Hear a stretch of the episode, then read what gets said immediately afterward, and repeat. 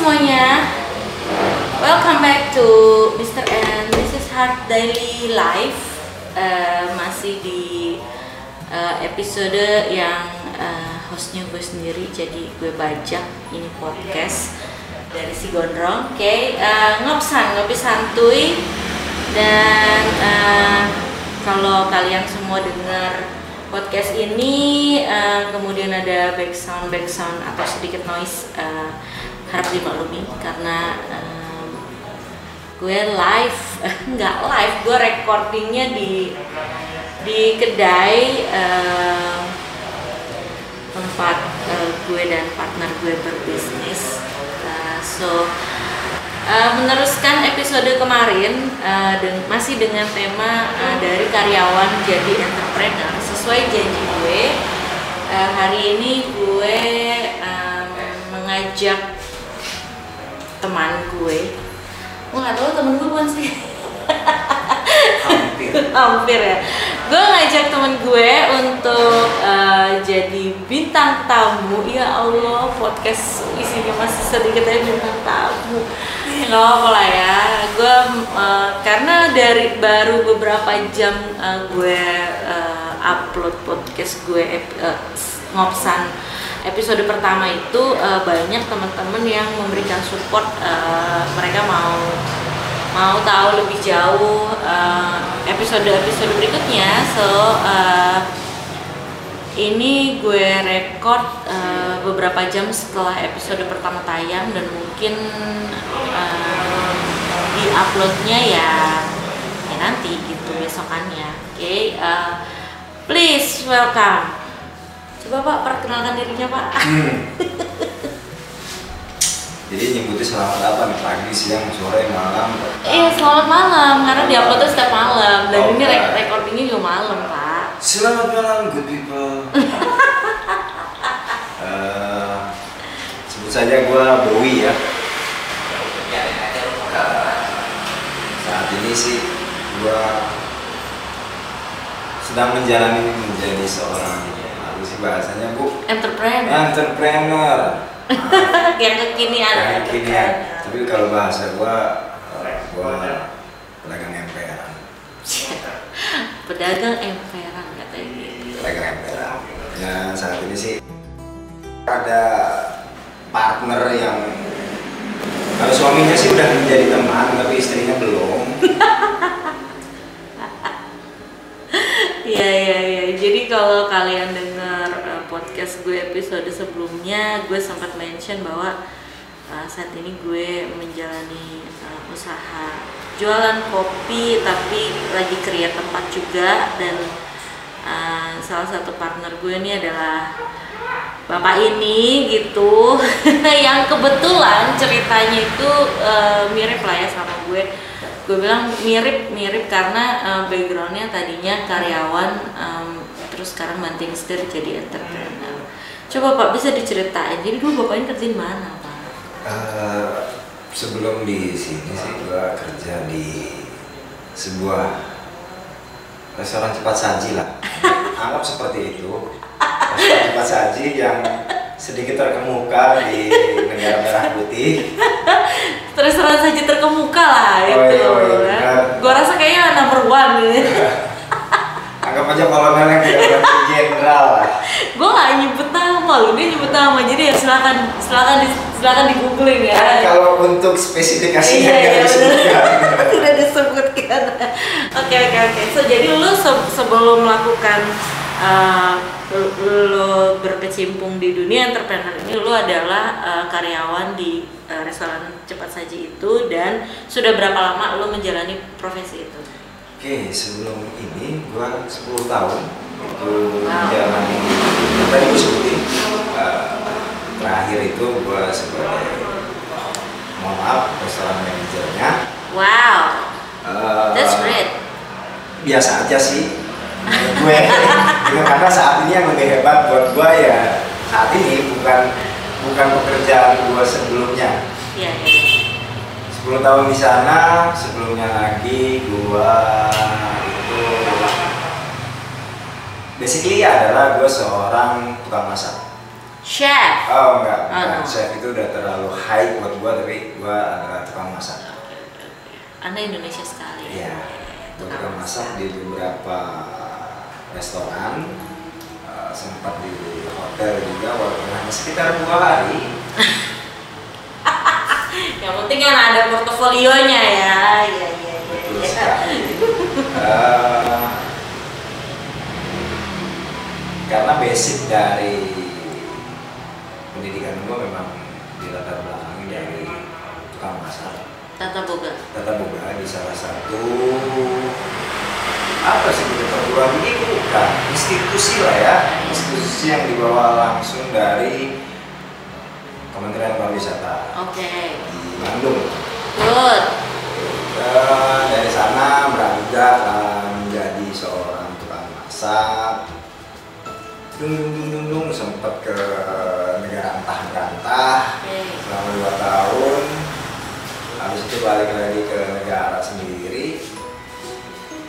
Tetap menjalani sebagai tukang masak dari satu restoran ke restoran yang lain dan terakhir itu ya di tadi lah di kolonel yang pernah jadi jenderal dan sekarang menjadi oh maaf sebelumnya terpotong. 2007 dan 2000 lebih tepatnya 2007 2007 akhir itu gue sudah menjadi melakoni sebagai yang biasa disebut sebagai entrepreneur. Dan bentuk entrepreneurnya pun sama pada hari ini. Eh, gue sebagai pedagang serabi yang mungkin saat ini eh, di kawasan gue hidup. Kurang diminati hanya ada bisa dihitung pakai jari? Bisa dihitung pakai jari. Kalau mau nemuin lebih banyak di pagi hari tapi ibu-ibu yang jualan dengan hanya berbagai macam varian aja. Gitu. So jadi eh, lo sebenarnya sebelum jadi lo sempat kepotong ya lo sempat melakoni eh, entrepreneur dulu kemudian lo balik eh, kerja eh, kantoran lah ya kita Ya. anggap gitu kan Ya. kemudian baru lo eh, resign dan sekarang full melakoni melakoni ini Ya. dan yang bikin gue eh, mungkin ini bisa jadi highlight ya gue menurut gue sih eh, serabi itu memang identiknya kan yang jualan kayak ibu-ibu gitu ya atau bapak-bapak lah ya gitu jarang banget sih gue hampir belum pernah nemuin eh, yang jualan serabi itu anak muda kemudian bisa dikemas secara kekinian gitu kan.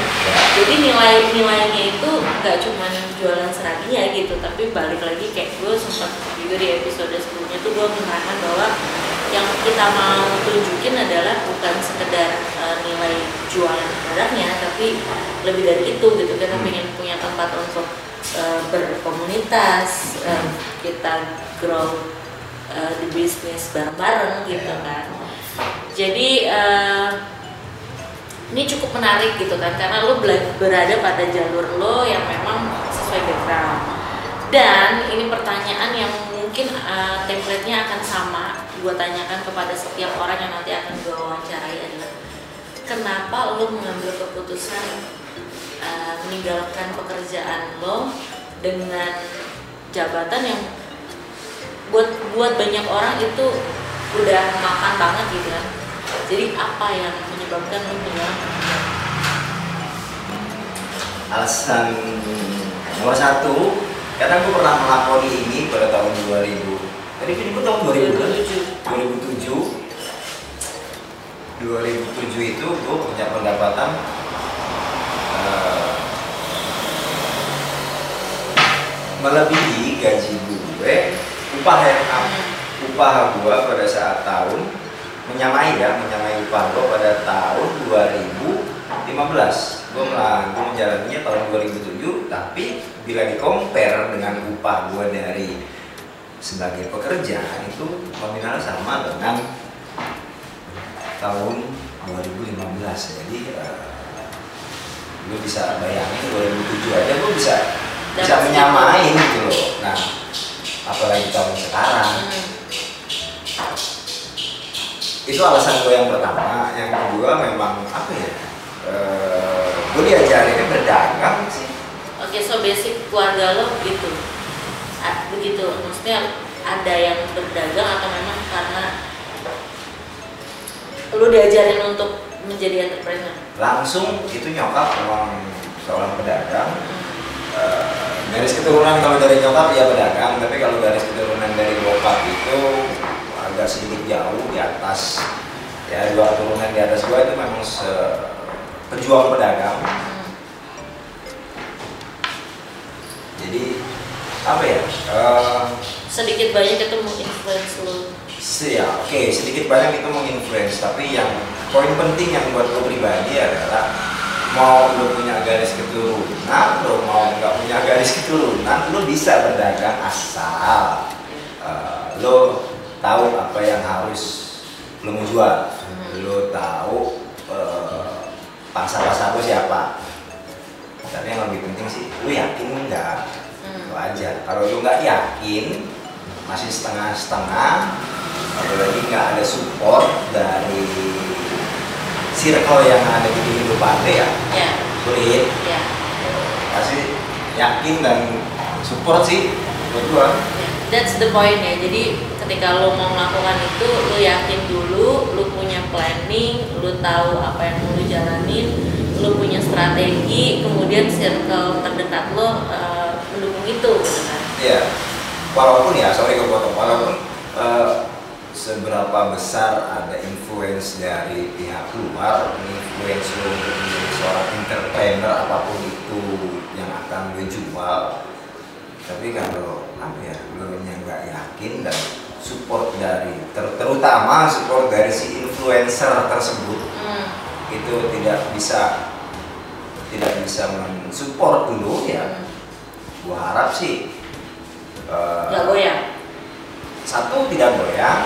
Yang kedua lo harus lebih lo lo sudah yakin tapi lo harus lebih meyakinkan bahwa apa yang mau lo jual itu adalah eh, yang pertama ya lo lo bukan jualan ya apa ya lo bukan jualan barang-barang yang haram lah. Ya, contoh lo kalau pengen dapat duit malam ini ya nyepet. ngepet ya narkoba Iya, iya. jual barang langsung dapat duit banyak gitu Yes, yes, yes, yes. Atau- Hasilnya kan nggak instan. iya ya seperti itulah So jadi lo eh, ini menarik karena gini, kalau posisi gue, eh, gue perempuan, ketika gue menjalani ini, kemudian eh, misalnya ya worst case-nya itu adalah gue fail, balik lagi eh, gue masih punya suami, tapi kalau lo kan eh, kenapa gue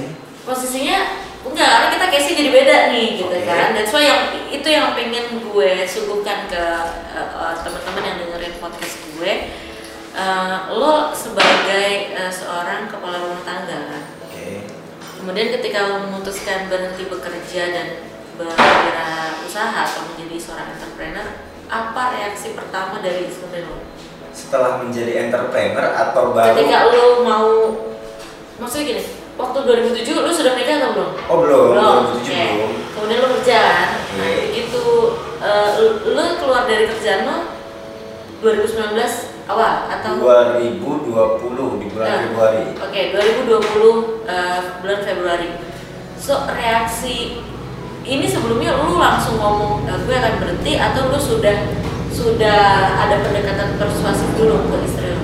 kalau ke istri sudah hampir lebih kurang dua tahun atau tiga tahun ya gue sudah bukan memproklamasikan Membuka forum. ya sudah membuka wacana ke istri gue bahwa gue mau berdagang So respon istri lu? pada saat pertama kali gue sounding ke istri gue ya gue tidak menyalahkan pola pikir istri gue tapi itu adalah menurut gue adalah yang eh, realistis Yes. bahwa ya manusia hidup saat ini apa ya ya ada sedikit bukan sedikit lah ada lebih kurang Khawatir. kekhawatiran tentang mengenai masalah bayar rumah bisa enggak bayar ah seperti itulah gitu untuk untuk menunjang kehidupan yang sudah dicapai sebelumnya Yes. atau proses untuk dicapai gitu ya Ya, kekhawatiran itu pasti muncul. Tapi bagaimana gini ah, gini, simpelnya gini. eh, dia adalah istri gua. Gua tahu dia seperti apa. Nah, ini buat yang dengerin mau lo cewek, mau cowok gitu. Kalau lo sudah berkeluarga, lo lebih mengenal pasangan lo seperti apa. Jadi lo tahu pada saat apa lo akan berbicara itu dan bagaimana caranya supaya bukan memaksa untuk Iya. menyetujui, tapi, Tapi bagaimana meyakinkan Hmm. pasangan hidup lo untuk bisa satu visi dan misi dengan apa yang ada di otak dan hati lo. Itu penting. Yes. But Betul. itu mah penting. Betul betul betul betul. So lu ada pergolakan dulu ya dari dari dari pertama kali lu memproklamirkan gue rasanya pengen berhenti dan pengen dagang tuh pasti ada lah riak-riak antara lo dan istri lo sampai akhirnya nego lah nego nego Ah. ya kan masih gitu kan karena prosesnya kan udah jalan dua atau tiga tahun gitu kan Ah. sampai pada akhirnya di titik eh, istri lo iya gitu kan Ya. Ya, tapi gue suka tentang pergolakan gitu ya. Iya. Nah, proses berarti ya. yes Ya, sama seperti nasi kan. Dari padi ke beras, beras dimasak, bergolak gitu ya. yes Menjadi na ya, beras dimasak, bergolak menjadi nasi gitu ya. Iya, Tapi mungkin ada kekhawatiran juga ya buat, buat yang dengerin ya bu. yes. Tapi kalau tuh nasi nggak jadi, eh, wah, tapi kalau tuh beras dimasak jadi bubur, Gimana? gimana Iya. gitu ya? Kita tergantung lu, buburnya mau lo apain? Iya. gitu aja walaupun ekspektasi lo eh, untuk menjadi seorang entrepreneur itu tidak sesuai dengan apa yang lo harapkan karena kan ya manusia lah berusaha berdoa berjuang Yes. tapi kan yang menentukan kan Yang di atas. ya Iya. apa ya ya Tuhan kita masing-masing lah Iya. jadi kalau yang ada ini Tuhan Iya benar sih Ge, kalau misalnya nasi, eh, gue gue setuju tuh. Eh, lu berekspektasi kalau kemudian hasilnya tidak sesuai, ya udah. iya lo jangan terlalu ini buat jangan Jangan terlalu terlalu sakit juga iya, ya. jangan, Iya, iya. jangan langsung patah arang di sana tapi inilah eh, apa ya yang menurut gue menjadi seorang entrepreneur itu adalah lo nggak mati ide Iya. Itu gitu loh Lu tetap bisa berimprovisasi. iya lo tetap bisa berimprovisasi itu ya bahasanya Iya. improvisasi gitu kan Sesuai dengan kondisi yang lu hadapi. nah seperti itu jadi kalau lo sebagai pekerja lo hanya menjalankan by sistem tapi lo di sini lo membuat sistem Iya. Create by you. iya gitu loh kemampuan otak lo sih gue yakin jauh lebih Dituntut besar bang, iya. Iya, jauh jadi lebih sekali. gitu loh Iya iya bener bener bener bener. Gue bener itu yang gue alamin bro. Eh, kayak otak gue tuh ket- ketika gue udah nemu sesuatu hal yang harus gue pikirin, gue pikirin terus kayak otak gue nggak berhenti aja gitu kan. Ah. Bener bener. Jadi sukses atau tidaknya yang lu jalanin sekarang itu tergantung pada diri lu sendiri ya. iya Yes. itu basic orang males ya itu basicnya tapi Iya. lo mau melawan malesnya apa enggak gitu jangan kayak gue males-malesan Oke, iya benar-benar. Oke, so, setelah lo mendapatkan kata iya dari istri lo, kemudian lo melakukan itu ya, lo kan udah bikin planning, udah apa gitu kan, Hmm. lo sudah uh, searching market, menganalisa pasar dan segala macam. Hmm. Sebenarnya kendala yang paling besar yang lo alami ketika lo start itu, itu apa? saat ini atau di 2017 Eh, waktu lu mulai di Februari 2020 itu Oh. karena itu setelah lu masa lu masa lu mapan sekali selama 10 tahun kan gitu bekerja gitu. ya Ketika lu mulai masalah terbesar lu apa eh, yang bias- lu hadapi? Oke, biasanya ada closing statement gitu ya. Nih, gue dalam pertanyaan ini gue coba untuk memulai ini starting statement. Yes. Orang itu bukan takut akan mati, tapi orang itu takut akan lapar. Iya. Nah, oke itu kelar ya. Kendalanya adalah gimana lu bisa keluar dari zona yang bener-bener lu, lu rasa itu adalah suatu kenyamanan buat lu, tapi lu harus tinggalkan, lu kubur dalam-dalam, lu buka lagi tuh yang baru. Ya. Itulah kendala gua 2020 di bulan Februari. Gua harus meninggalkan titik nyaman gua selama gua kerja dengan perusahaan. Beserta semua privilege-nya. Oh iya, pastinya. Iya. Iya, iya benar-benar. titik nyaman itu nah uh, itu buat gue pribadi itu sebuah tantangan yang menarik ya karena uh, di hari pertama oke okay, berlanjut seperti biasa karena lo hampir rata-rata orang yang mau itu resign lah diberhentikan secara tidak hormat atau apa pun lah namanya setidaknya lo pegang uang nah, di hari pertama bulan pertama lo masih bisa oke okay, saving, uh, saving mati ya, gue masih punya uang gitu loh. Tapi uh, coba pola pikir itu dirubah deh. Itu hasil dari kerja lo yang dulu gitu bukan dari hasil kerja lo yang bukan dari hasil lo sebagai entrepreneur gitu. Coba kalau misalkan pola pikir lo dirubah. Ini mah bukan milik gua. Ya. coba kalau lo berpola pikir seperti itu ini bukan milik gua. Milik gua yang saat ini adalah pada saat gua mulai sebagai mencetuskan memprogramasikan diri gue sebagai entrepreneur gue dari nol. Minus disilahkan gitu. Tapi kalau bisa dari nol lah jangan dari minus gitu. Karena kan apa ya uh, lu mau untuk menjadi seorang entrepreneur itu kan bukan difikirkan dalam satu hari dua hari satu yeah. bulan gitu. Masih dalam proses itu kan lu setidaknya saran gua lu harus bisa untuk mulai menabung. Karena apa yang harus lu jual itu lu sudah kalkulasi apa aja yang harus yeah. lo siapkan apa aja yang harus lo keluarkan apa aja yang harus lo beli apa aja yang harus lo invest itu setidaknya dalam waktu ya minimal enam bulan lo harus sudah bisa ngumpulin itu semua. Sehingga pada saat lo memulai untuk menjadi seorang entrepreneur itu lo nggak yo i benar gitu. Bagaikan orang yang tidak buta tapi disuruh membaca huruf daily nah lo ngeraba itu pelan-pelan ya. nah jangan sampai terjadi hal seperti itu nih ya benar itu uh, gue kemarin sharing hal yang sama dalam konteks yang berbeda gitu. Hmm. Gue bilang bahwa uh, gue sempat sampaikan based on pengalaman gue ketika lo mau mulai lo mau terjun tuh jangan sampai lo tangan kosong gitu. Iya. Ya kan? Wah, uh, resign kek karena diberhentikan kayak apa apalah kondisinya gitu. Tapi setidaknya lo udah tahu apa yang mau lo lakuin. Tadi itu kan konsep, kemudian lo udah tahu planning, lo tahu apa yang mau um, strategi penjualan dan segala macam gitu kan hmm. kemudian ya itu tadi kan ya lo harus persiapan gitu karena untuk berapa bulan ke depan itu lo tidak akan mendapatkan uh, nominal-nominal yang tadinya lo dapetin ketika bekerja kan hmm. gue sempat meng-highlight bahwa uh, jangan sampai karena uh, lo menggebu-gebu ingin jadi entrepreneur kemudian uh, ada yang dikorbankan ya ya kan? Karena buat uh, buat gue gitu kan penting sekali uh, itu diproteksi. Jangan sampai ada yang dikorbankan jangan sampai dapur dapur yeah.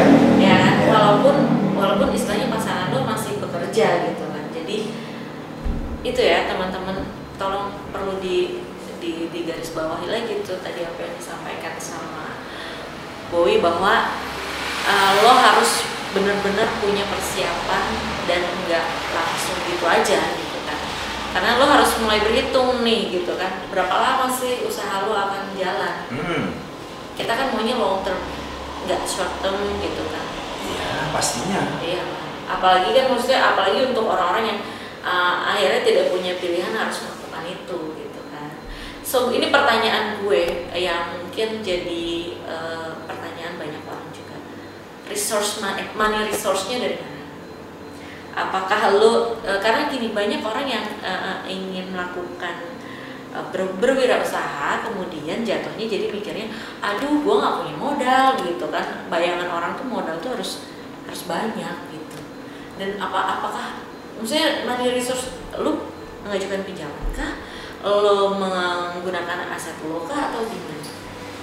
Atau memang lu sudah punya punya uang yang memang lu persiapkan karena lu sudah berproses selama tiga tahun? Uh, yang pertama yang pasti ada, ada dana yang gue sisihin untuk hmm. gue memulai entrepreneur ini.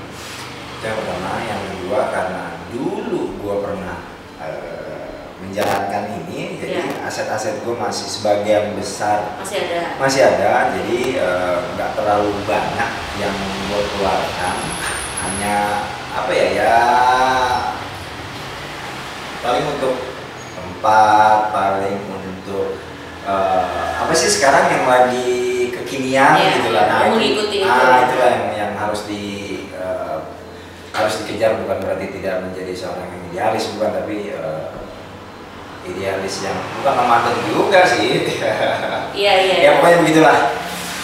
Ya, jadi memang eh, ini cukup menarik karena eh, case yang eh, gue angkat dari eh, bintang tamu. Cah, bintang tamu. dari bintang tamu gue di episode ini adalah bahwa eh, lo sudah mempersiapkan itu gitu ya. Lo sudah mempersiapkan itu, sudah berproses sehingga lo sudah mulai menyisihkan eh, sedikit-sedikit eh, saving money untuk itu ya gitu. So jadi eh, ini eh, ada ada sih benang merah dari apa yang gue sampaikan kemarin. Jadi gue harap mungkin ini bisa juga jadi satu inputan ketika lo pengen memang pengen memulai untuk berdagang atau usaha sendiri gitu ada baiknya ya lakukan seperti yang Bowie lakukan gitu lo punya planning dari jauh-jauh hari kemudian pendekatan persuasif terhadap pasangan itu juga penting gitu kan Eh, tahu Banget. ya tahu timingnya sehingga ketika lo masuk em, menjelaskan dia menerima itu dengan baik Ya. dan eh, tidak ada yang dikorbankan karena ya itu gitu eh, yang dilakukan oleh Bowie adalah saving money menyisihkan dari apa yang didapat dari pekerjaan untuk eh, usaha ini gitu kan walaupun eh, sebenarnya ada kalimat yang menarik tuh Apa? ya itu kan lu meninggal lu eh, ya udah gaji gue ya yang sisa dari kerjaan kemarin ya udah gitu kan Iya. itu tidak lo anggap sebagai sesuatu Modal awal. ya modal awal Jangan, jangan lo anggap sebagai itu modal Iya kan? awal gitu. Karena kalau lo menganggap itu sebagai modal awal, eh, lo akan merasa kayak wah gitu Iya, ya gitu. Karena kan- pada apa ya? Ya rata-rata lah di Indonesia gitu. Pada nominal tersebut dar. ya kerasa Uang besar ya. Wah, gua sanggup buat sekian bulan. ya padahal Ah, ah, ah bener. ya so jadi jadi itu itu sebenarnya itu yang penting gue eh, suka suka pada pemikiran itu gitu bahwa lo- apa yang lo dapat dari pekerjaan lo sebelumnya ya jangan lo anggap sebagai uang target juga gitu kan Ya. gitu apa pun itu bentuknya ya gue eh, eh, jadi punya masukan juga dan mudah-mudahan apa yang eh, disampaikan itu juga berguna dan gue harap lagi-lagi gitu gue berharap teman-teman bisa mulai eh, terbuka nih pikirannya bahwa pe- perencanaan yang matang eh, planning yang eh, dari jauh-jauh hari itu menghindari adanya eh, sesuatu hal yang tidak diinginkan ketika mulai usaha Hmm, gitu ya benar. dan eh, closing statement dari lo gue gak kerasa lo udah mau setengah jam loh Oh, iya. ini kalau jadi sejam namanya talk show Oke.